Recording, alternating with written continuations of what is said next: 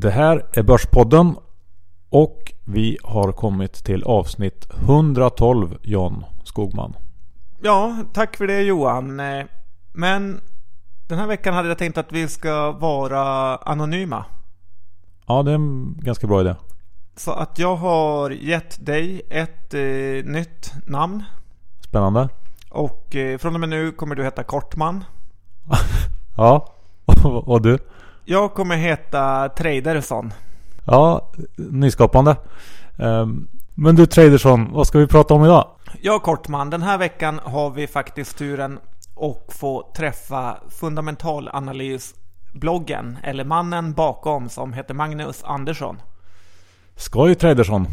Precis, han kommer gå igenom Apple, Starbucks och eh, många andra intressanta amerikanska bolag. Ja, vi hade en riktigt trevlig pratstund så att hoppas att ni gillar den. Men innan vi kör igång intervjun så måste vi säga några ord om vår sponsor DeGiro. Ja, jag tror alla vill höra något om Europas billigaste nätmäklare. Ja, vem skulle inte vilja höra om det? Jag vet inte. Nordnet och Avanza kanske? Ja, men nu får de höra ändå. Vad har vi att säga? Ja, det är ju dels möjligheten att trada nästan jordens alla aktier och eh, har precis samma möjligheter som hos de andra mäklarna förutom att det är väldigt, väldigt mycket billigare. Och var inte orolig för era pengar för de ligger helt säkert. Fint. Tack DeGiro. Ja tack, vi kan twittra ut en anmälningslänk om ni är sugna på att öppna konto. Yes. Nu rullar vi intervjun med Magnus Andersson.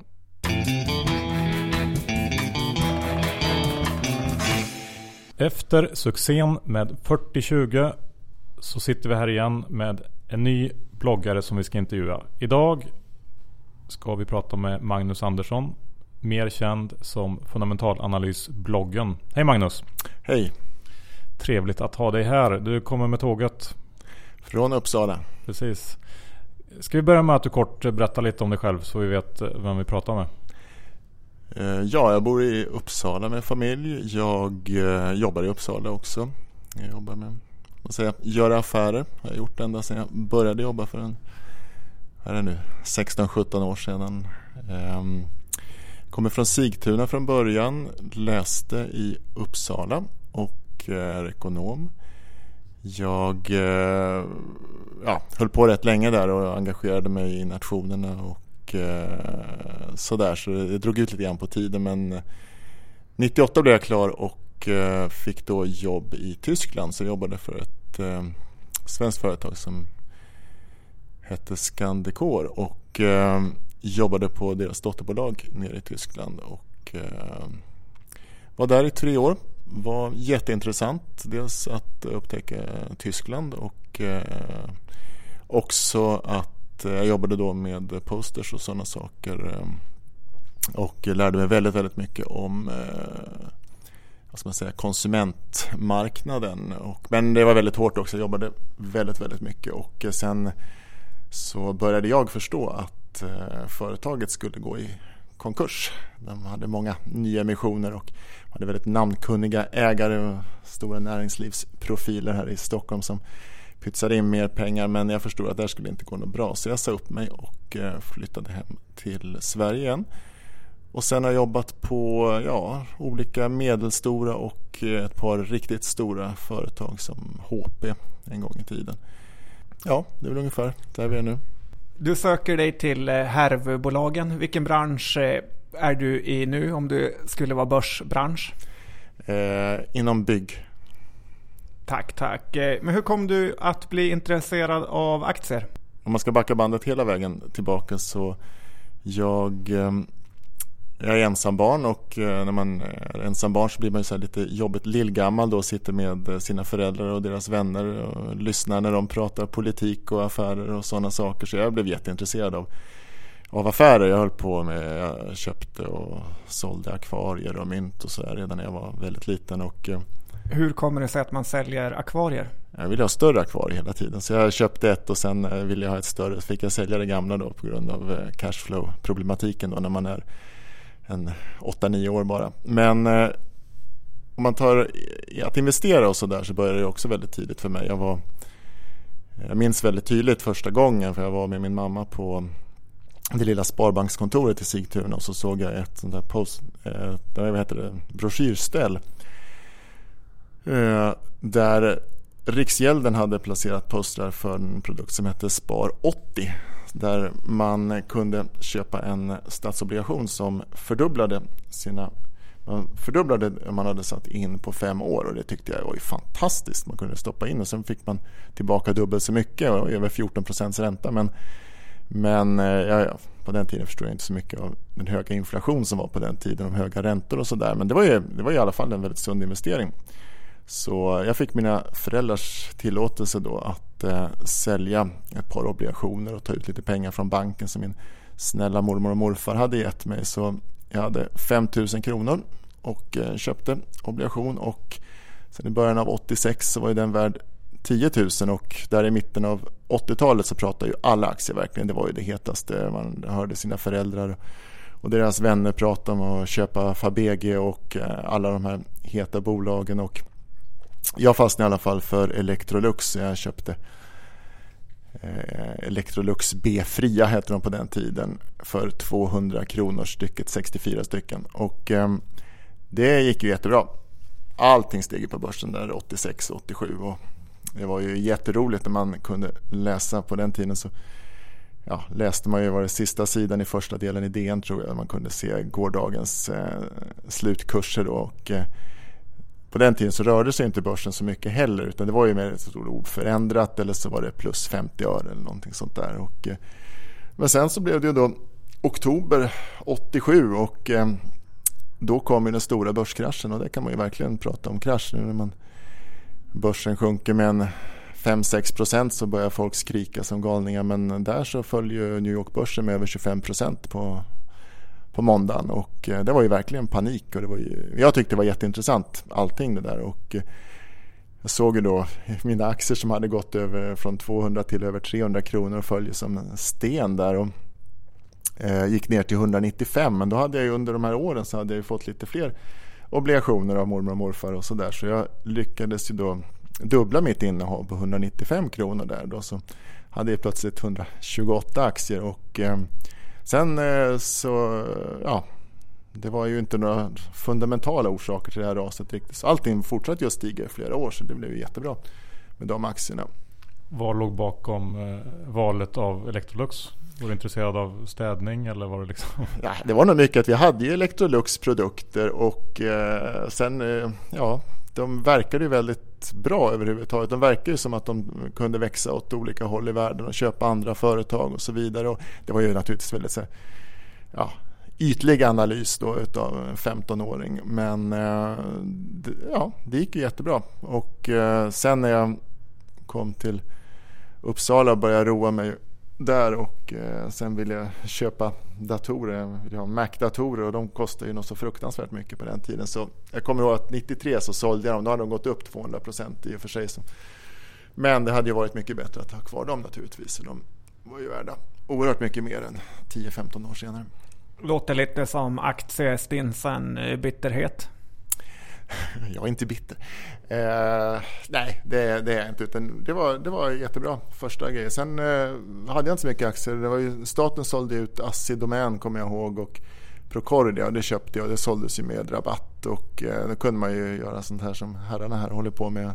Köpa och sen sälja direkt med eh, 40-50% vinst och det var ju kul när man var fattig student. Men sen så eh, som jag sa eh, började jag jobba jättemycket så jag såg ju IT-bubblan och yran sådär från åskådarplats och försökte liksom följa. Jag tyckte det var helt absurt bara det som hände. Men det var ju, jätte, det var ju intressant liksom hur vansinniga idéer folk hade och hur mycket pengar de fick folk att eh, satsa på vansinnet och sådär. Men sen när jag kom tillbaka till Sverige då så var ju Ericsson mycket på tapeten och 2002 så hade jag sålt en bil så jag hade lite pengar. Och jag visste att jag, måste, jag skulle använda de här pengarna till att renovera min lägenhet som jag hade köpt då men jag kunde liksom inte låta bli. Jag gjorde, gjorde en analysen då när man ska säga att eh, Wallenberg och de andra stora ägarna kommer inte låta Ericsson falla. Det finns inte på kartan att de skulle göra det utan de kommer att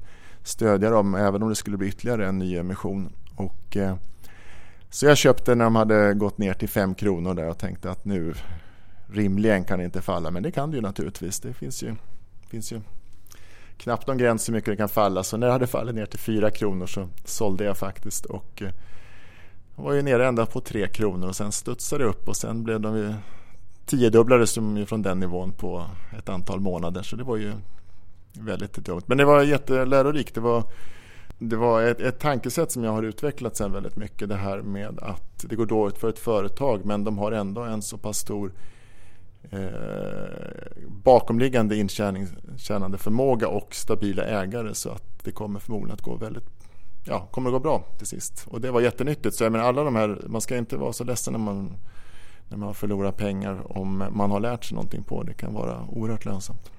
Kloka ord. Men du är med oss här idag också för att du driver den populära fundamentalanalysbloggen. Hur kom du på idén att eh, starta den? Ja, det var ju då början av 2009 och eh, det låter nästan konstigt att tänka, då, tänka idag men det var ju liksom det här med bloggande så var ju oerhört mycket mindre på den tiden. Eh, och det fanns ju inte så mycket så här finansbloggar men jag såg det som ett sätt att komma i kontakt med andra som var liksom lika aktienördiga som jag var då.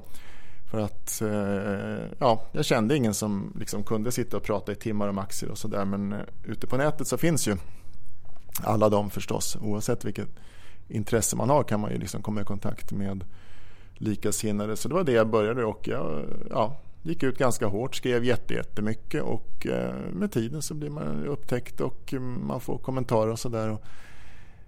kan man också säga att aktier var ju inte alls lika stort 2009 för vi hade ju haft eh, finanskrisen, det var ganska impopulärt. Många hade ju förlorat jättemycket pengar och sådär. Eh, framförallt kan man säga när jag började gå ut och propagera för bankerna där då att eh, framförallt Swedbank då som jag hade som favorit så fick jag ju oerhört mycket mothugg och det, till en del så är ju sånt intressant när det eh, kan bli bra diskussioner. Sen, sen finns det ju den andra sidan, den lite mörkare sidan av nätet där, där det blir väldigt otrevligt och sådär. Varför var de så aggressiva mot ditt eh, Swedbank-hyllande? Nej men alltså banker, det är ju många människor som verkligen hatar banker. Det finns det ju fortfarande. Det är ju, det är ju ingen snack om saken. Men det, jag tror det, det ligger lite i sakens natur. Alla de här eh, företagen som man ska betala till varenda månad oavsett om det är mobilräkningar eller Vattenfall eller bankerna utan att man får någonting. De blir liksom, de är inte populära och bankerna har ju alltid varit så här att eh, folk är arga på dem och sen då efter de olika skandalerna framförallt i andra länder och, och bankerna och men eh, till viss del i Sverige också så var det ju väldigt, väldigt impopulärt med banker. Men eh, det var intressant också. Jag fick lägga in att man var tvungen att eh, ha någon inloggning hos Google eller liknande. Då blev det betydligt eh, mer sanerad diskussion. Men vi hade jättekul då. Vi var ju bara några stycken. Det var jag och 4020 och Stockman och sen började Lundaluppen också och eh, vi hade jättekul diskussioner och Eh, med många andra också som läste och eh, det är ju att blogga kan ju vara väldigt roligt för att man man får ju liksom de som kommer tillbaka. En del de har ju verkligen hängt med i alla år. Och eh, det är jättekul. Helt bara minns man, ja men honom pratade jag med för, eller skrev jag mycket med för tre år sedan. Visst, han har ju fortsatt att läsa och sådär och ja, ta kontakt med honom och så. Vilken bloggare är bäst där ute i din bok? Idag så är det 40-20. Det var Lundaluppen utan tvekan. Han var ju otroligt vilken eh, tid och energi och eh, kunnande och allt han bjöd på under så många år. Men du är inte riktigt lika aktiv nu längre? Nej, det blir väl lite grann sådär att eh, många saker har man redan skrivit om som man tänker hur man eh, värderar företag och vad man tycker om och vad man inte tror på, vad man stör sig på och sådär. Man kan inte älta det hur länge som helst utan jag skriver väl mest nu om de eh, företag som jag följer eller som jag har investerat i och eh, följer mest. Och eh, ja, det är väl Apple då som jag är mest känd idag för att jag, att jag följer. Ja, vi, vi kommer gå in på Apple lite senare. Men innan vi fortsätter så mm, ska vi köra några snabba frågor som vi alltid gör med våra intervjuoffer. Så att John, kör igång. Yes, korta svar. Är du redo? Jag är redo. Corobio eller Sobi? Sobi. Fingerprint eller Precise? Inget. Om du är tvungen att välja, annars eh, kidnappas hela din familj och eh, åker till Mars. Ja, Fingerprint då, för de har något lite större chans att lyckas. Hockey-VM eller fotbolls-VM? Fotbolls-VM alla dagar. Världens bästa bolag och du får inte säga Apple eller Starbucks. Eh, Handelsbanken. Fick du inte heller säga. Eh, H&M. Största investerartabbe som du gjort? Ja, jag ägde Diamyd. Men det var, det var inte mycket men det var ju en tabbe utan tvekan. Jobbar du med belåning? Jag har gjort men inte längre. Backtradar du blogginlägg? Det vill säga att du skriver blogginlägg nu som du bakdaterar för att kunna hänvisa till senare för att verka ännu smartare. Nej, det har jag aldrig gjort. Helt ärligt har jag aldrig gjort.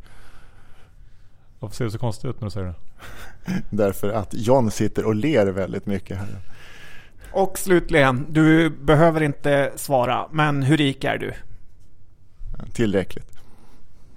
Du också, härligt. Ja, nu ska det bli väldigt roligt att höra hur du tänker när du väljer ut aktierna som du sedan köper. Hur är din modell? Ja, modell är nog att inte ha någon riktig modell. Så där. Jag, eh, för mig, jag tror inte särskilt mycket på att räkna. Eh, jag, naturligtvis så räknar jag ibland på saker och ting men eh, för mig har det varit mycket, mycket bättre att Eh, följa nyhetsflödet och bli intresserad av olika företag. Eh, jag tror att många gånger så räknar man bort sig. Det, jag har sett jättemånga göra det. Sen finns det andra som är superduktiga på att räkna på vad som kommer att hända. Men jag tror att om man tar ett företag och sen gör en massa olika antaganden hit och dit och eh, ska försöka få ihop det. Då kan man nog få ihop vilken investering som helst med tillräckligt bra antaganden. Jag tror att Dels så tycker jag att man ska göra man ska göra väldigt, väldigt få affärer. Man ska ha, äga få företag. Det är, man ska välja de för, absolut bästa eh, absolut bästa case som man kan hitta. Och för mig har det nästan alltid varit genom att läsa väldigt brett om olika saker och se eh, vilka företag som eh, går bra och och eh, sen passa på när de är lågt värderade. De bra investeringarna de skriker åt en köp, köp, köp. Det är inte de som man sitter och funderar, ja men i och för sig om de ökar till 12 procents tillväxt och så vidare. Men ja, det är så det fungerar för mig. Men hur ser du till att du inte hoppar på eh, trender och bolag som eh, på något sätt lyckas under en kort period för att sen falla tillbaks? Hur vet du att de fortsätter att gå bra? Man vet ju aldrig naturligtvis. Det är det enda rätta svaret på det. Men man kan säga, jag har väl i princip med ett par sådana här um, synder förr då med diamyd och som jag förlorade lite pengar på PR Resources där jag tack och lov såg vart det var på väg och hoppade av i tid så har jag ju bara ägt företag som har en eh, ganska lång och brokig historia bakom sig. Och eh, jag, jag, brukar tänka att väldigt många av oss som börjar med aktier, vi börjar med att göra korta grejer. Och, men det här verkar bra, jag kör på det, lite hit, lite dit och så vidare. Och de som blir kvar av oss som inte blir så brända och förlorar pengar och sådär. Vi blir mer och mer lik eh, Buffett i hans tänkande. Eller i vårt tänkande ska jag säga. Att man, eh, man förstår värdet av eh, förhållandevis säkra och stabila kassaflöden. Man förstår vilken otrolig skillnad det är på, i kvalitet mellan olika företag. Och eh, eh jag tror att bäst framgång, i alla fall om man är som jag, det har man genom att läsa oerhört mycket. Dels läsa om de företag man intresserar sig för, men absolut inte stanna där. Jag tror det är väldigt många som läser väldigt mycket om sitt bolag och inte sällan då förhoppningsbolag och så och kan innan och utan både ena och det andra om det företaget. Men de fortsätter inte och läser in sig rejält på den bransch som det här företaget verkar i och angränsande branscher och eh, sen överhuvudtaget att läsa vitt och brett om eh, ja, affärslivet men samhället och överhuvudtaget. Jag, en av de bästa investeringar jag gjort som inte har varit aktier är att börja prenumerera på Financial Times. Det är en sån guldgruva av kunskap som, eh, ja det är dyrt men ja, vad kostar det? Drygt 4 000 kronor per år och eh, vad är det jämfört med vad man, allt det man kan få men du förespråkar en eh, väldigt koncentrerad portfölj. Hur ser du på bolagsrisken som kommer då till exempel Volkswagen som ingen hade kunnat räkna med? Naturligtvis finns det en bolagsrisk och eh, förr eller senare så eh, händer ju någonting med alla företag och det kan man inte komma ifrån. Men jag ser absolut inte att diversifiering tar bort risken för en investerare. Det, risk får man genom att inte ha kunskap. Det är, det är totalt korrelerat däremellan. Och, eh, det, alltså, det spelar ingen roll, det är inte bara gäller aktier, vad som helst. Menar, har man inte kunskap när man köper en bil, ja då tar man en risk. Det, det är liksom, har man läst på ordentligt har man mycket mindre risk. Och, eh, att, eh, jag vet inte hur många jag har hört som liksom säger ja, men jag har köpt eh, 15 eller 20 företag här för att minska risken. Och det är ju liksom, det är fullständigt omöjligt om man inte är ett totalt geni att hänga med i 15-20 företag och läsa om, det, om företagen, vad de håller på med, hur det går och kvartalsrapporter och hur deras bransch utvecklas och så. Och eh, jag vill äga några få företag men kunna väldigt, väldigt mycket om dem.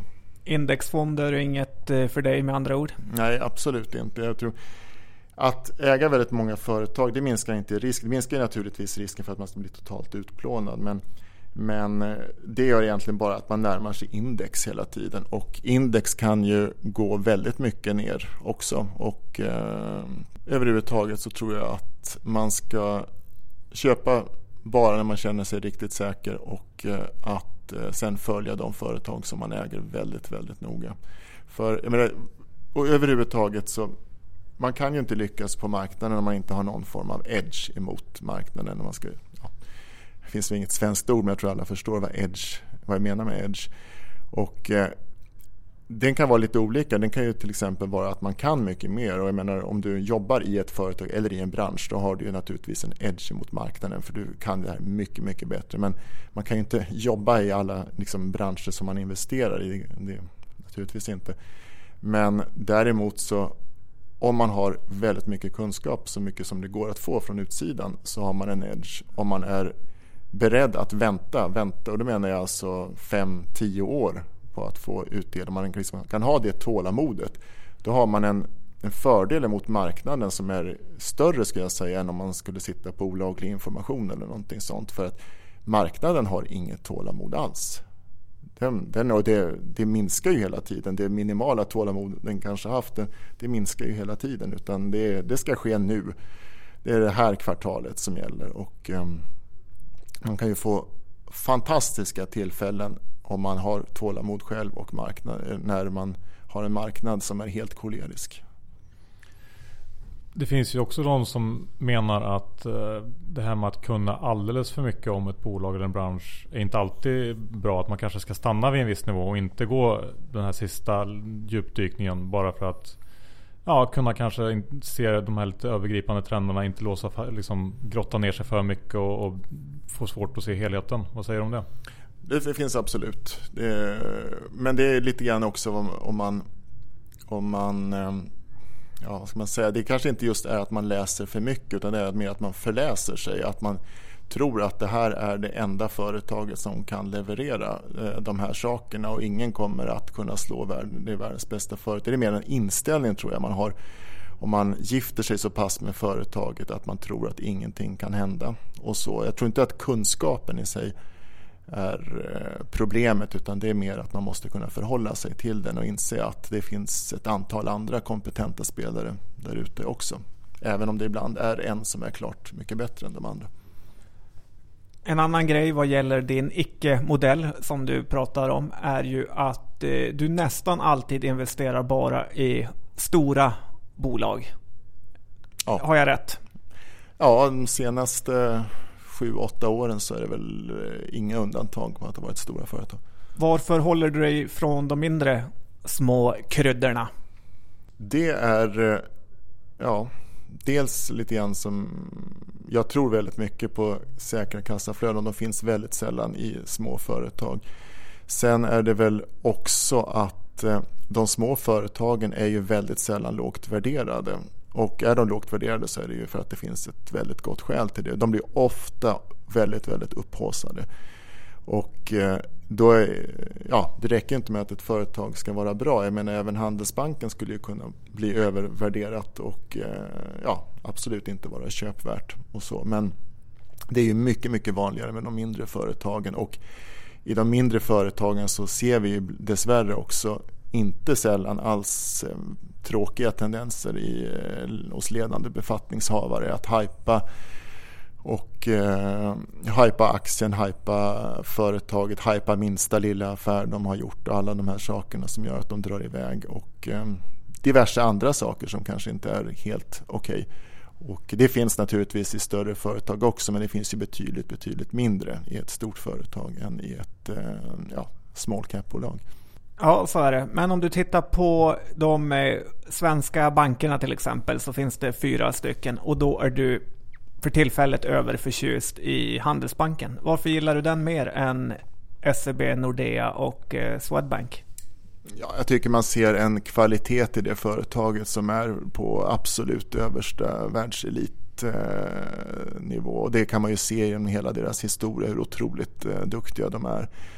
De, de eh, har ett väldigt bra koncept det här med att ha kontor överallt och vara nära kunden som jag tror är eh, väldigt, väldigt bra. När Nordea till exempel säger att vi ska minska så mycket kontor vi någonsin kan och medan Handelsbanken säger nej, nej, nej, vi ska, ska ha kontor, ska vara där ute. Man ska känna sina, det är egentligen företagskunderna i stor utsträckning. Det spelar stor roll att man är Sen överhuvudtaget tanken att kontorschefen är suverän som det står i deras eh, årsredovisning tror jag är en väldigt, väldigt klok idé. Att eh, det, kan inte, det ska inte vara så att eh, någon som finns i Dals Långed och kan den liksom, orten perfekt ska hålla på och höra av sig till någon regionchef innan han får låna ut pengar till eh, ett eh, bra företag som han känner sedan länge och sådär. Det är väldigt klokt. Jag tror att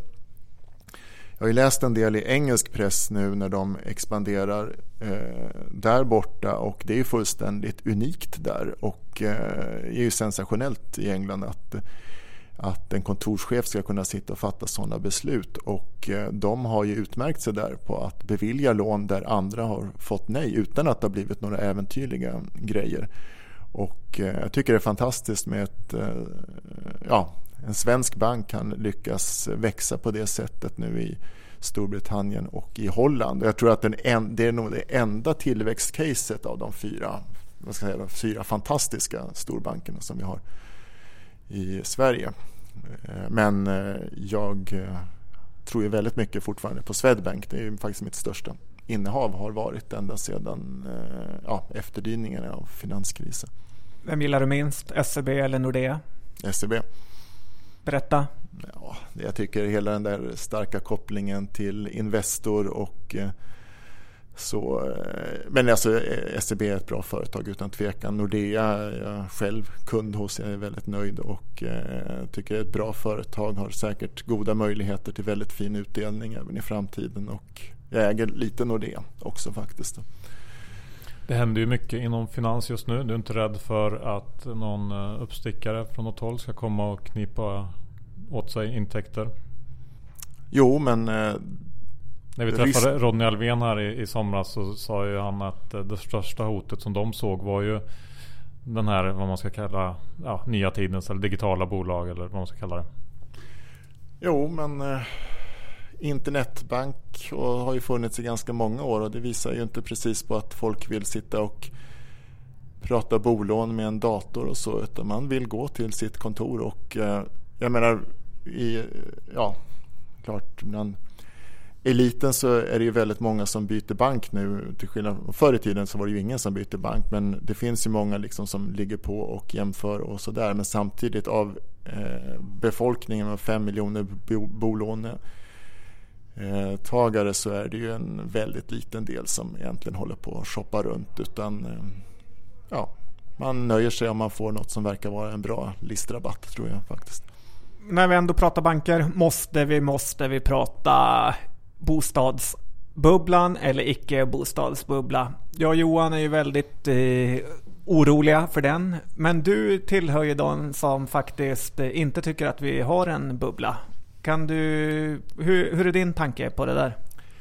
Nej, jag, jag, bubbla eh, definitionsmässigt det är ju när prisen har dragit iväg på ett sätt som, inte, eh, som är absurt. Det, alltså, det finns ingen koppling mellan priset och eh, och eh, verkligheten. Och eh, när vi hade en, en gång i tiden hade vi en, en eh, fastighetsbubbla. Det var ju framförallt kommersiella fastigheter då slutet av 80 början av 90-talet. Då kommer jag ihåg det fanns en sån här eh, ett bra, det var någon eh, som var med på den tiden som sommarpratare tror jag. Han berättade att det var något eh, före detta elverk hus, jag vet inte, eh, utanför Växjö mitt ute i skogen som såldes för 5 miljoner kronor.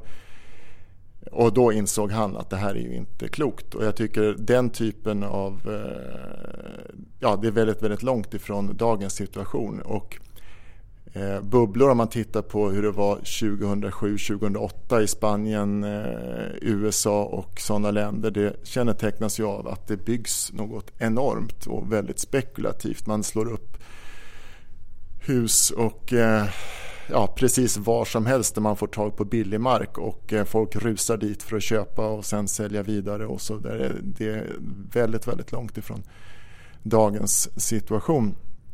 Vad vi kan se det är ju att eh, bostadsbyggandet har ju legat efter i Sverige i förhållande till befolkningstillväxten och det är ju 15 år eller någonting i den stilen.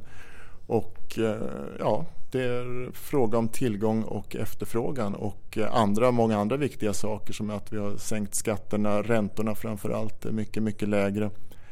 Och ja, jag tror att man också kan se att bostäder var ganska billigt i Sverige förr i tiden. När jag började titta på bostäder på i Uppsala mitten av 90-talet. Det var ju löj, även som student så såg man det var ju löjligt billigt att köpa en lägenhet. Det var, liksom, det var ju som att köpa en eh, bil, en kombibil eller någonting sånt där. Och det är en lägenhet där en familj skulle kunna bo. Det var ju liksom otroligt billigt. Vi har ju fått sån urblåsning av hela den svenska ekonomin under krisen i början av 90-talet att, att eh, det var, vi startade från en väldigt, väldigt låg nivå. Vi hade höga, mycket höga räntor som sakta men säkert sjönk. Det gjorde att det blev billigare naturligtvis att köpa men det gjorde också att eh, avgifter eh, kunde hållas nere och sänkas i många fall så att bostadsrätterna blev ja, mindre kostsamma för eh, köparna. Men samtidigt så har vi då en situation där Ja, som nu sitter vi här mitt i Stockholms innerstad. Var ska man är det precis här som folk vill bo? Var ska man bygga? Och det är bara eh, liksom titta på stora expansiva städer ute i världen. Eh, det är precis samma situation där. Det är till och med samma situation i Oslo och Helsingfors. Och sådana, det är redan byggt inne i städerna och det är precis där folk vill bo och det är där som också folk tjänar mest med pengar. Och eh, sen Naturligtvis så finns det lite oroande tendenser vi, eh, här i Stockholm i alla fall när folk köper på spekulation och eh, säljer vidare och så. Men det är ju väldigt mycket ett Stockholmsfenomen. Det, ja, har jag aldrig hört talas om i Uppsala. Det är säkert någon som har hört något sånt. Men det, det är ju absolut ingenting som är någon snackis i Uppsala att folk håller på och flippar kontrakt eller någonting sånt som ändå är eh, väldigt eh, snabbt växande storstad i Sverige. Ja men eh, någonstans så kommer det ändå ta stopp. Nu har vi säkert nu har vi haft öknings, en ökningstakt på liksom 10% plus i väldigt många år. Och, och samma ökningstakt egentligen på, på eh, nya lån.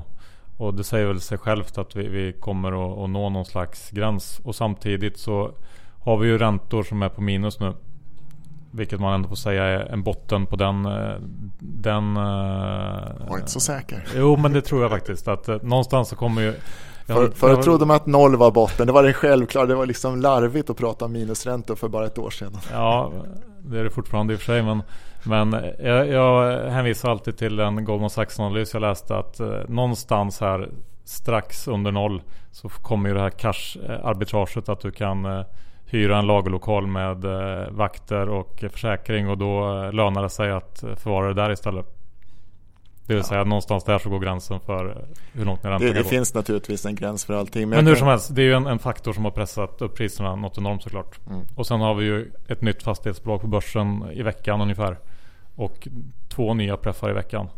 Eh, jag tycker att det finns väldigt mycket som pekar på en överhettning och en bubbla. Men jag tror att helt enkelt att tiden får utvisa vem som har rätt när det gäller det. Ja, den kommer ju alltid att eh, ge facit eh, förr eller senare. Men jag kan säga så här att det, jag tror att om man skulle vilja komma till rätta med de problem med ständigt stigande bostadspriserna då ska man tillåta byggande på ett helt annat sätt. Jag menar, det är fullständigt absurt. Jag åkte runt med olika ärenden i Norduppland här i lördag så man ser alla dessa sjöar och vattendrag överallt och det bor inte en människa där för de får inte, man får inte bygga där. Det är liksom sossarna 1975 som bestämde att kan inte alla få bo vid vatten så ska ingen göra det. Och eh, de enda hus man ser det är ju de som byggdes tidigare och eh, där skulle, där skulle man lätta upp det där som man lite grann har börjat eh, på vissa platser nu tack vare lagändringarna. Men skulle man göra det då skulle ju det inte alls, jag menar titta bara på, på hus med eh, egen strand hur de har stigit. De har ju stigit mest för att de är de mest eftertraktade. Skulle det helt plötsligt bli lagligt att bygga mer på det sättet på lämpliga platser då skulle det ju mattas av. På samma sätt som skulle inte kommunerna ta åratal på sig att eh, fastställa planer och istället eh, ja, vara mer flexibla då skulle det säkert bli mycket, mycket bättre. Jag tror att man går, på helt, man går i helt fel ända och kräver att eh, även människor med väldigt, väldigt god ekonomi ska hålla på att amortera på sina lån fast de kanske har lika mycket i besparingar och sådär. Och ja, göra allting obligatoriskt för samtliga. Det, jag tror inte alls att det är rätt väg att gå.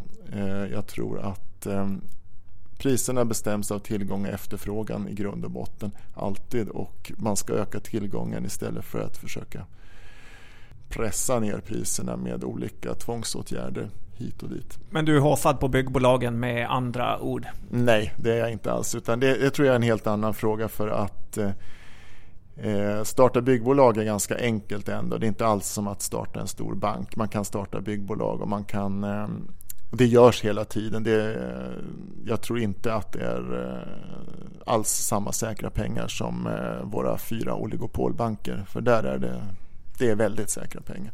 Ska vi lämna bostadsfrågan och eh, gå över till USA som ju på något sätt är ett land där du har en hel del aktier i. Ja, gärna. Var ska vi börja? Och vi kan väl börja med, med Apple egentligen. Som har väl blivit lite av uh, ditt varumärke på något sätt. Att du, du, du är känd för att skriva mycket om Apple och kunna mycket om Apple. Ja, det är ju i princip ingen annan i Sverige som skriver om det. Så det är lätt att sticka ut där. Men, eh, nej, men Apple tycker jag det är ett väldigt intressant eh, företag. Det är oerhört motsägelsefullt. För samtidigt som det är det mest följda och bevakade företaget i världen helt utan konkurrens. Men det skrivs ju många böcker varje år om det. Det följs av 60 Wall Street-analytiker. Precis varenda liten grej som Apple gör oavsett om det är produktlanseringar eller om det är Uh, mer eller mindre absurda rykten uh, slås ju upp som nyheter i hela världen. Och uh, samtidigt som det är på det sättet så är det inte någon större andel som egentligen förstår Apple skulle jag vilja säga. Man förstår inte hur Apple fungerar och vad Apple är för någonting. Och det märks ju då så väldigt tydligt i den låga värdering som, som företaget har. Hur fungerar Apple då? Du som eh, kan det här. Ja, man kan, man kan ju, det finns egentligen två olika vägar man kan eh, beskriva Apple. Man kan dels på den tråkiga sidan då med, eh, med eh, siffror. Då. Det är ju Världens mest lönsamma företag någonsin. Ingen har tjänat lika mycket som Apple har gjort det här året. Det är världens största utdelare. eh, i absoluta tal. Då. Ingen har delat ut så mycket pengar som de gör. Ingen har köpt, återköpt för så mycket pengar som Apple gör idag. Och eh, inget företag har någonsin haft så stor kassa som Apple har idag. Och samtidigt då som det är då högst värderat, eh, världens högst värderade företag som sagt så växer det, eh, ökar vinsten under de senaste 12 månaderna mellan 40 och 50 procent. Vinsten per aktie då mellan 40 och 50 procent.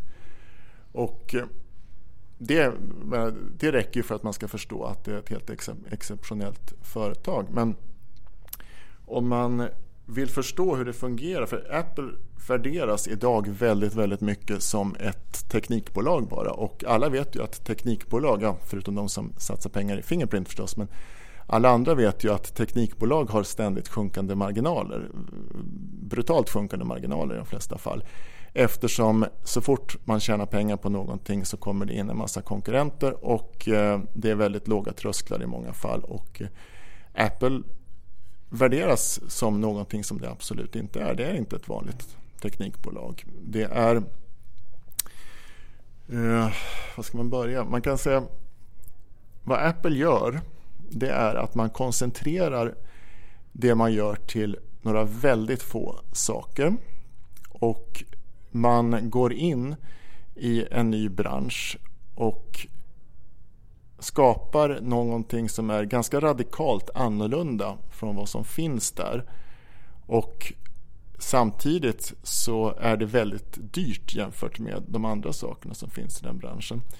Det finns en jätte, jättebra bok som jag gärna skulle vilja ha som veckans boktips. Det är The Innovators Dilemma. Jag vet inte om ni har läst den men jag kan verkligen rekommendera alla att läsa den för att förstå eh, på många sätt hur teknikutveckling eller, ja, går till och varför företag slås ut när det sker tekniksprång.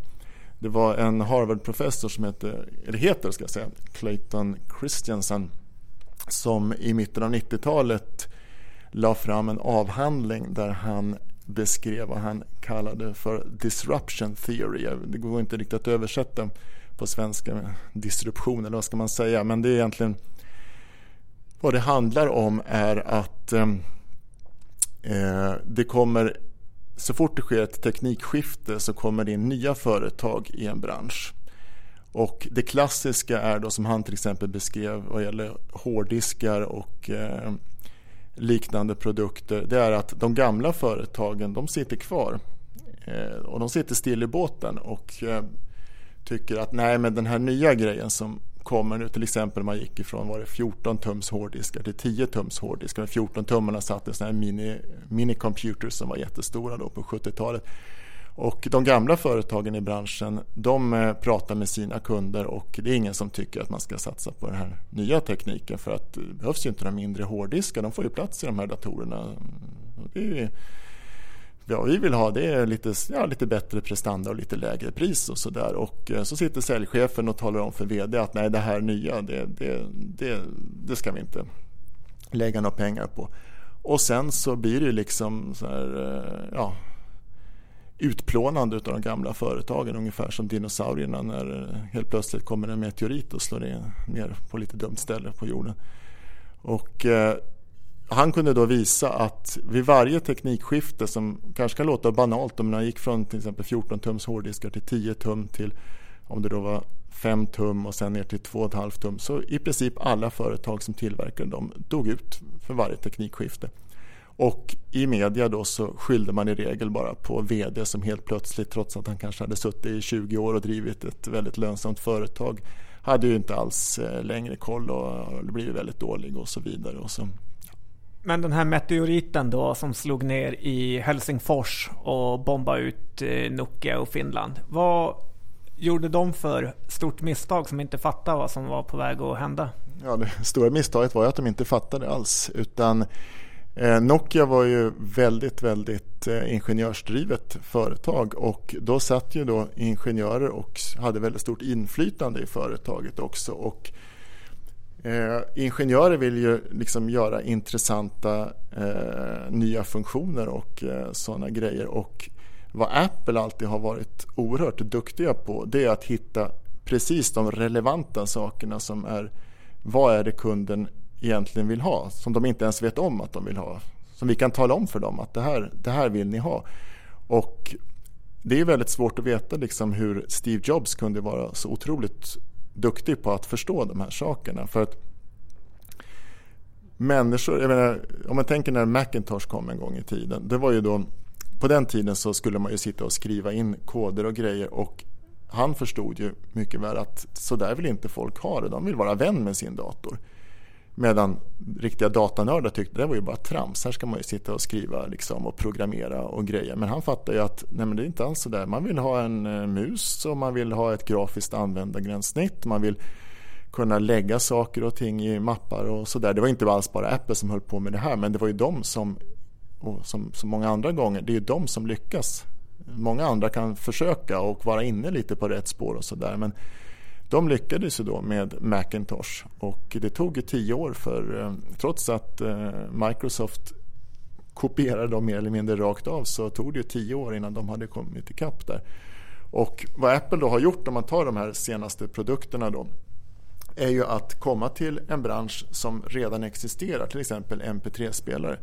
Men vad som saknades där det var ju lagringskapacitet och ett bra användargränssnitt. Det fanns ju inte alls utan man stoppade in den i datorn och så kunde man få plats med 15 låtar ungefär och sen kunde man väl flippa fram en låt i princip åt gången och sådär. Och eh, han förstod ju då att när, man, när hårddiskarna har blivit tillräckligt små då kan man eh, eh, göra en portabel hårddisk och sen gör man ett eh, snyggt användargränssnitt som eh, ja, intuitivt och trevligt och sen gör vi en snygg förpackning på det. Och sen tar vi 500-600 dollar och folk kommer att köpa det och det gjorde de ju. Så de slog ut, de bombade ut hela den branschen. Det var ingen som tjänade några pengar på MP3-spelare efter att eh, iPod kom. Nej, det var lite jobbigt för Jens av Sweden med sin fenomenala idé. Men eh, Steve Jobs har ju åkt till himlen och Tim Cook har tagit över. Är du orolig för det skiftet? Nej, absolut inte. Precis tvärtom faktiskt. Men det var ju också den här snackisen som alla körde för några år sedan då att nu kommer Apple att dö för att eh, Steve Jobs eh, har gått bort och väldigt tragiskt.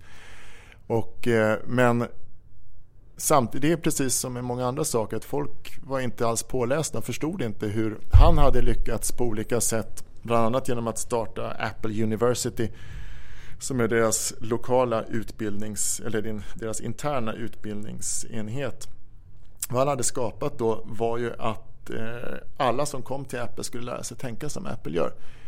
Och han var ju väldigt, väldigt, som jag sa då, inspirerad av eh, disruption theory och eh, sa att det här är på det sättet som vi fungerar. Och eh, det lärs, lärs, lärs ut till alla som kommer dit och eh, alla som inte tycker att det är intressant eller bra de försvinner ju på ett eller annat sätt. Och eh, sen så lyckades de ju också, vilket är väldigt underuppskattat eller väldigt dåligt förstått, att de har ju en, har ju en eh, ska man kalla det, funktionsbaserad eh, företagsstruktur så att människor jobbar i funktioner istället för att man jobbar med en viss produkt. Som om man tar till exempel Microsoft som har varit precis tvärtom. De har ju haft personer som är liksom Vice President of Eh, Windows Marketing Strategy eller någonting i den stilen. Och eh, om man har det, den typen av uppdelning då får man ju olika klickar i företaget som sen sysslar med eh, intern krigföring eh, sinsemellan. Så att eh, klassiskt då i Microsofts fall att eh, Windows-folket och Office-folket var de som tjänade pengar och det var de som bestämde i företaget. Och eh, Eh, alla andra olika intressanta initiativ då med mobiltelefoner och alla sådana där saker, det var ingenting som de var intresserade av. Och skulle man hålla på med mobiltelefoner, då skulle de ha Windows i sig. Och så skulle vi sitta och klicka då med en mikroskopisk eh, liten pinne för att stänga fönster i våra smartphones. Det var ju helt, helt, helt vansinnigt. Och eh, vad Apple gör istället, det är att de har en person som är eh, ansvarig till exempel för användargränssnitt och, eh, eller inte kanske en person bara för att använda gränssnitt men det, han har ju också en grupp under sig. Och de får då skjuta till resurser till de olika projekt som ledningen vill satsa på. Och på det sättet så är det ingen som bara sysslar med eh, iPod som slåss eh, och försöker ta död på iPhone-projektet eftersom de fattar att ja, men det kommer inte gå något bra för vår division här om det kommer en iPhone och har den här funktionen. Utan istället så inser ledningen att vi ska låta iPod dö vi ska istället få folk att köpa en betydligt dyrare produkt, en iPhone som har ytterligare funktionalitet och kommer att göra folk ännu nöjdare och kommer att göra att folk köper ännu mer produkter och så vidare. Så tar man resurser och så sätter man det till den nya produkten istället. Och det har varit otroligt, otroligt framgångsrikt för Apple. Men vem kom på mini-iPaden? Den kan inte varit så vass. Hur, hur menar du? Nej men det var väl en flopp. Nej, jag tror inte att det var en flopp, men det var ju en, det var en produkt med dålig marginal jämfört med de andra. Men man var nog tvungen eftersom det var många andra som eh, började göra Väldigt många av konkurrenterna till Apple har ju försökt att göra det som Apple inte gör. Så fort Apple, det är Samsungs saga, hela tiden hitta, ja, ta de grejer som Apple inte sysslar med och försöka, försöka göra dem. Men för att återgå till, eller avsluta det här med Tim Cook så tror jag väldigt mycket att om man ser det ur ett rent aktieägarperspektiv så är det här skiftet i ledningen inte alls dåligt. För Steve Jobs var ju ett geni på, alla, på väldigt många sätt men samtidigt så han var ju inte alls intresserad av aktieägarna. Det, de kunde väl få bli rika om de blev det men det var ju absolut, han var ju helt ointresserad. Han var ju aldrig med på kvartalsrapporten. Han var helt emot att man skulle börja dela ut någonting av vinsten eller man skulle återköpa aktier eller någonting sånt där och man behandlade analytikerna som väldigt, väldigt lågt stående varelser och sådär. Så jag tror att eh, det och att man blev av med de mindre trevliga sidorna som säkert fortfarande fanns kvar på många sätt eh, under Steve Jobs sista år med hur man behandlade de som inte var tillräckligt duktiga och så i företaget till en betydligt mer tolerant inställning tror jag är, eh, bara gynnar Apple på många sätt. Ja, allt det här låter ju bra och så. Sättet man jobbar på verkar trevligt. Men det garanterar ju på något sätt inte att man lyckas få fram nya fantastiska produkter. Framförallt iPhone känns ju som en riktig fullträff som ju är på något sätt väldigt svår att återuppfinna igen om du förstår vad jag menar. Är det inte rimligt att man värderar Apples resultat och intäkter ganska lågt? Om med tanke på historiken, eller den historik man har på teknikbolag som vi var inne på tidigare. Att det är svårt att behålla en sån här position under en lång period. Ingen har klarat av det historiskt sett. Nej, men samtidigt så kan man ju säga om man mer eller mindre lyckas med precis allt man gör under decennier så kanske man... Ökar risken ännu mer? ja, det, det, det är absolut så marknaden tänker. Varje gång de slår ett eh, rekord i kvartalsresultat så tänker man ja men nästa år kommer det väldigt svårt att slå det här så det är lika bra att vi handlar ner 15 Nej, men jag, jag, tror att Apple kommer att bli ett betydligt större företag. Jag tror att eh, iPhone är ju absolut en speciell produkt för det är världens mest sålda eh, produkt överhuvudtaget. Det största produktsuccé som världen någonsin har sett. Men samtidigt så växer den fortfarande väldigt kraftigt och den kommer säkert att finnas kvar under väldigt många år framåt i tiden och dra in otroliga summor. Eh, det är helt uppenbart av Apples enorma expansion i kontor och mark och så vidare att man är på väg till betydligt eh, större saker och med all säkerhet någon typ av fordon och så vidare. Man kommer att, jag tror att man kommer under de närmaste tio åren växa till ett betydligt större företag. Men jag tror att marknaden kommer hela tiden gå efter och eh, påpeka felen och säga att eh, det här är faktiskt eh, lite lägre än vad analytikerna trodde och så vidare. det får man ju ha med sig om man ska köpa Apple får man liksom vara beredd på att det är inte det företag som värderas upp snabbast och det kommer säkert att fortsätta. Men det här med bilen måste vi ändå säga något om. Är det inte fullständigt galet att gå från telefonbolag till att tillverka bilar?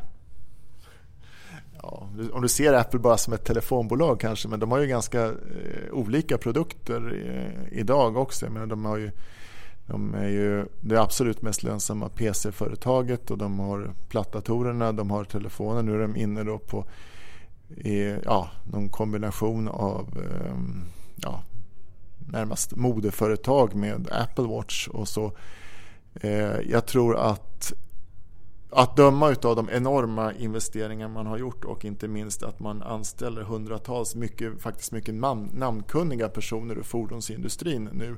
Och man kan vara helt säker på att om de kommer in där så kommer det inte att bara vara en elektrisk, ett elektriskt fordon som ser ut eh, som, som eh, vilken väldesignad bil som helst utan de kommer att ha en ny idé och eh, förändra någonting på samma sätt som de gjorde när de kom med iPad och eh, iPhone och så. Den fanns, branschen finns redan men de hittar på någonting ganska annorlunda. Och det tillsammans med att de kommer att se till att ha betydligt större marginaler än konkurrenterna gör att de absolut kan lyckas. Men det får man ju se, det kan vi aldrig veta. Ja, du gett oss en väldigt fin genomgång av Apple, men aktien står nu i 110 ungefär? Ja, typ. Vad är din egna riktkurs till Börspoddens lyssnare av Oraklet i Uppsala? Eh, ja, det är svårt att säga. Apple kommer, tror jag, att gå, eh, stiga väldigt högt ifrån dagens nivåer och eh, jag tror att med nuvarande intjäning och eh, ständigt ökade eh, utdelningar så är det inte alls orimligt med 200 dollar på, eh, bara på att ligga på ungefär den här nivån. Men ja.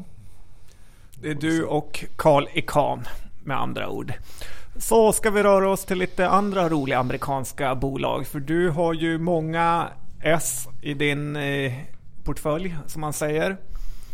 Och eh, i dagarna så var det Disney som eh, höjde sina biljettpriser för eh, alla sina theme parks. Och I like. Det är en aktie du gillar. Kan du berätta vad du, du gillar så mycket med Disney? Allt. Även deras eh, tv-kanaler som är kanske lite på dekis. Jag tror inte att ehm, deras eh, sportkanaler är på dekis utan det, det är sånt som eh, fluktuerar och förra året var det fotbolls-VM som de hade rättigheterna i Nordamerika och eh, jag tycker det var helt absurt fall var det 20-25% på väldigt kort tid på någon dålig rapport. Det, det är väldigt typiskt för marknaden men det, det, det är eh, väldigt fånigt. Eh, Disney är ett otroligt företag. Helt fantastiskt enastående på i princip allting de gör. Och eh, de äger ju otroligt bra rättigheter, eh, många liksom figurer och eh, ja, sen sändningsrättigheter till i princip all amerikansk sport och så vidare. Men eh, sen eh, överhuvudtaget så har de ju de och Pixar-divisionen en fantastisk förmåga. Och det, det går egentligen, det är samma sak som med Apple. Det finns ju en koppling till Pixar då, eftersom det kommer från Steve Jobs. Men, men eh, det är sånt där, man kan bara se kvaliteten i företaget på att de kan skapa produkter som Frost och eh, liknande ifrån ingenting. Eller inte från ingenting, det är från deras eh, kunskaper som finns i företaget. Och så. Men de är fullständigt enastående på de sakerna och eh, jag tror att eh, det kommer att fortsätta och det kommer att utvecklas på samma sätt som det har gjort. Och det, här, det är verkligen en eh, aktie för byrålådan för att oavsett om de nu skulle få någon flopp med Frost 2 eller vad som helst så, så kommer ju inte det att påverka företagets inneboende värden ett dugg. Eh, Disney står nu i 100 dollar lappen ungefär. Och vad har du för riktkurs där? Eh, minst 150 utan minsta problem överhuvudtaget. Eh, det kommer att, det kommer att fortsätta och stiga, jag är helt övertygad om. De har väldigt många, i och med att de köpte nu Lucasfilm och kommer att börja göra stjärnkrigsfilmer under många år framöver kommer man ha en väldigt, väldigt, väldigt säker intjäning bara därigenom. Men till det kommer sen alla nya filmer och alla uppföljare och Toy Story 4 och så vidare. Ja, det är fullständigt givna succéer. Jag... Du gillar tecknat? Ja. Småbarnsförälder måste, måste följa med i utvecklingen. Nej, men att, att, att barn skulle sluta titta på Disney och Pixar-filmer det, det, är inte omöjligt men det är närmast omöjligt skulle jag säga. Ja, jag har ju lagt alldeles för mycket pengar på Blixten, bilar och diverse ja, grejer runt det där. Så Vi tackar för din insats. Samtidigt så, så, är väl ändå Disney en på något sätt lite av något slags hedgefondhotell som man säger. Och många stora fonder och liknande har liksom upptäckt den här aktien och den har gått väldigt bra. Jag kommer ihåg när vi var i New York John, så träffade vi en eh, hedgefondförvaltare från Brasilien vars största innehav var Disney till exempel. Är det eh, inte så att den har varit lite för populär? Ja, det är väl lite grann som H&M och många andra företag. Eh, väldigt eh, säkra intjänare drar ju till sig eh, ja, pensionsfonder och eh, alla andra sådär. Eh, jag gick ju in nu när den gick under 100 dollar och det är ju liksom Ja, det var ju där jag tyckte att det här är alldeles för lågt i förhållande till... Jag menar, jag tror inte jag skulle köpa om den låg på 150 dollar idag. Då finns det, inte för att det inte är det närmaste säkra pengar på 5-10 års sikt men det är i alla fall eh, kanske inte så att det kan konkurrera med andra tillfällen som ges. Okej, då går vi över till din eh, favoritkedja i USA. McDonalds. Mat. Starbucks. Starbucks, det är ett fantastiskt företag. Okej, okay, de säljer kaffe.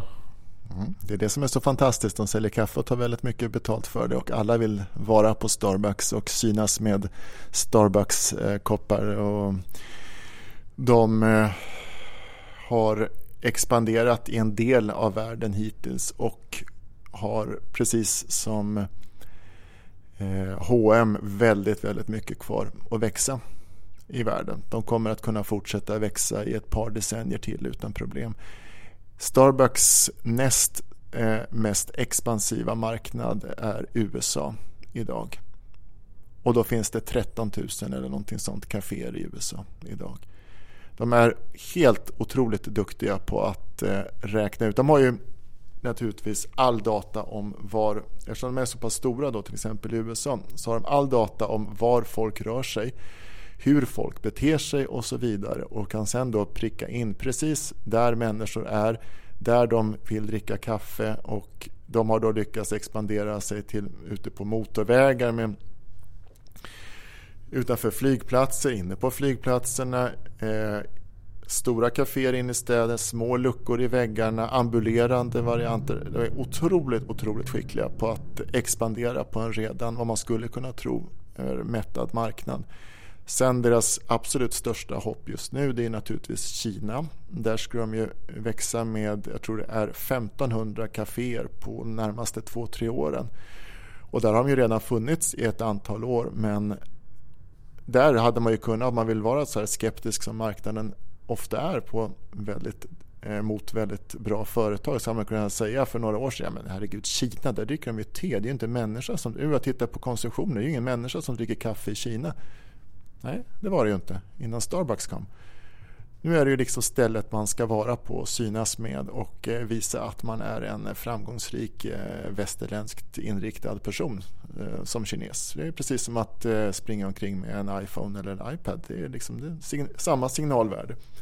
Och där kommer de att fortsätta att växa i en herrans massa år till. Vilken är din egen favoritkaffe när du går på S-Bucks?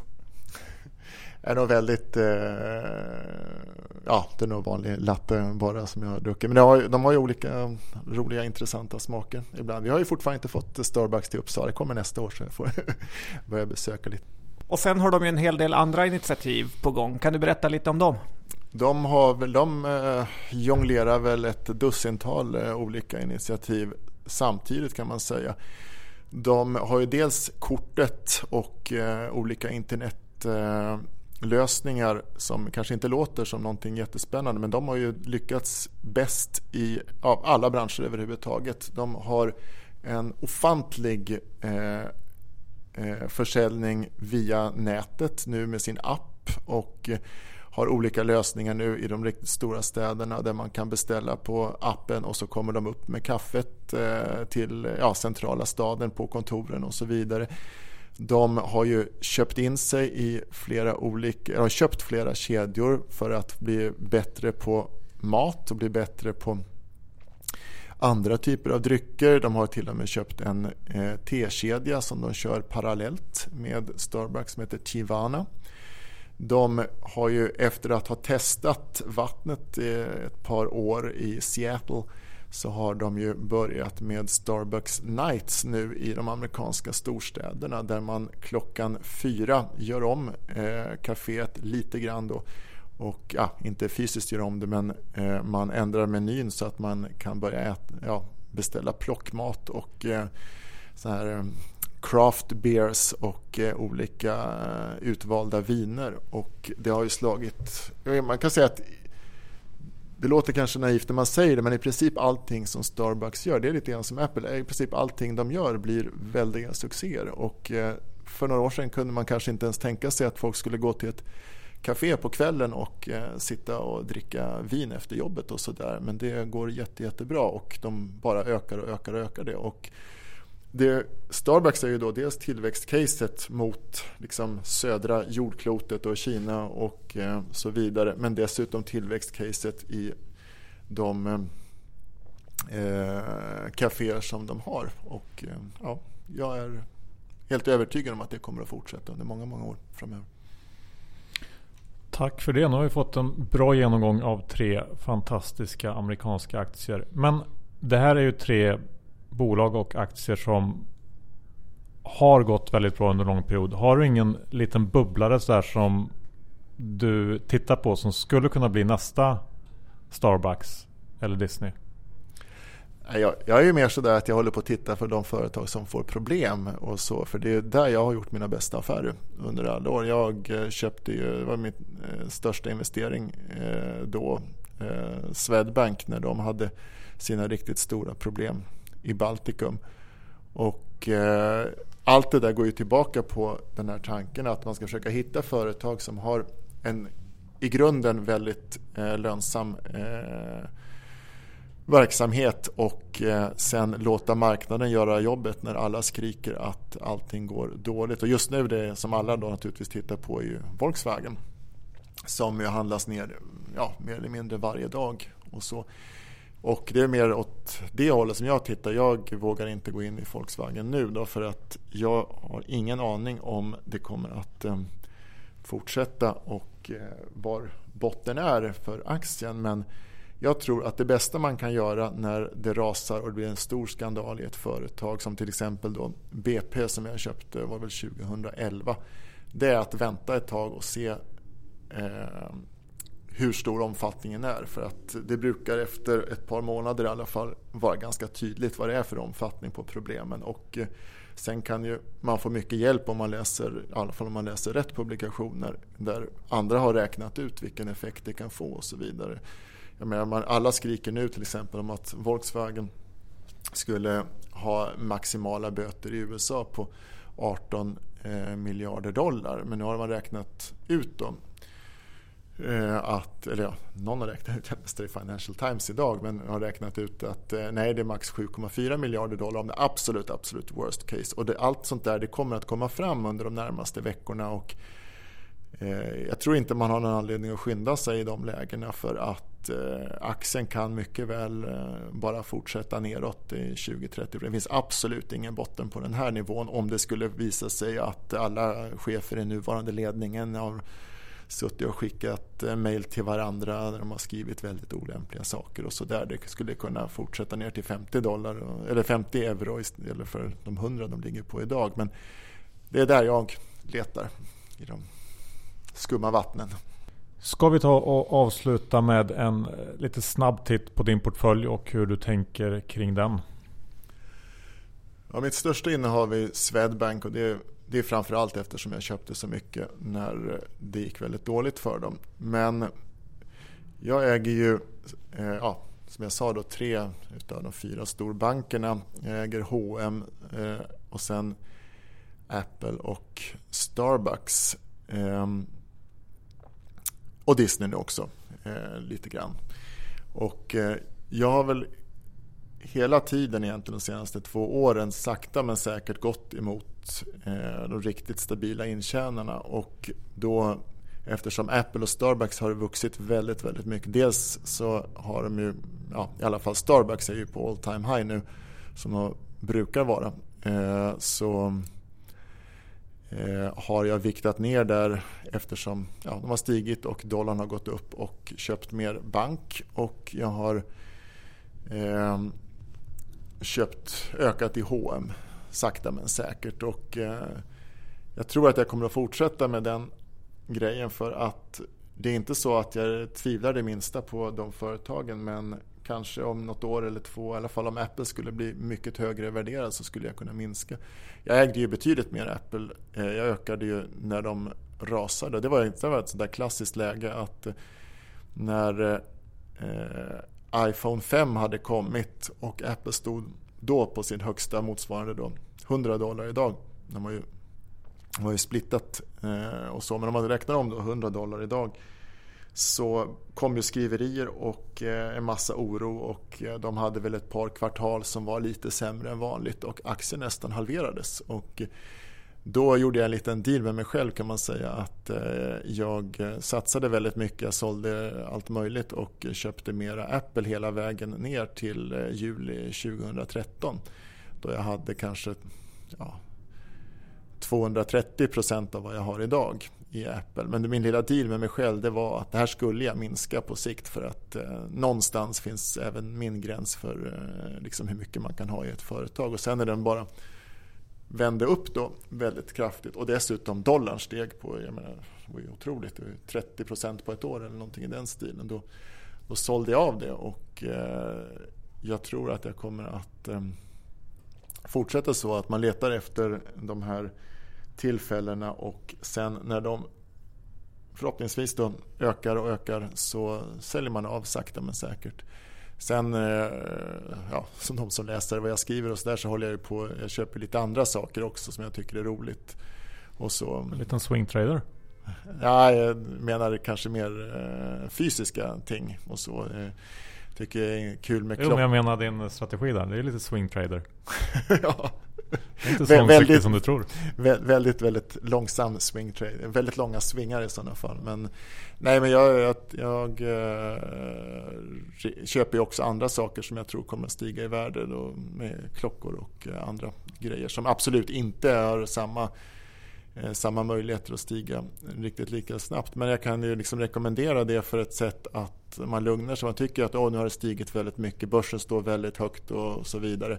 Så istället för att ja, liksom bara sälja aktier och låta pengarna ligga och eh, tråka i depån så det går ju att köpa andra saker också. Det går ju framförallt sen när det förr eller senare sjunker så är det ganska kul att ha de här sakerna. Det är, överhuvudtaget så är det roligt att ha fysiska saker som kan vara bra investeringar också. För jag menar, hur, den, hur roligt det än är med aktier så man kan ju inte liksom se en aktie. Den görs inte, man får inte ens en aktiebrev nu för tiden och sådär det kan ju vara väldigt kul att ha olika saker som ja, pryder ens hem eller handlar. Guldtackar?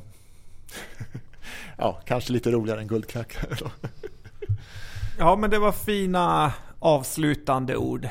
Tack för att du kom och nu ska vi gå och eh, dricka en eller två avslutningsöl. Det tackar vi för. Jättekul att vara med.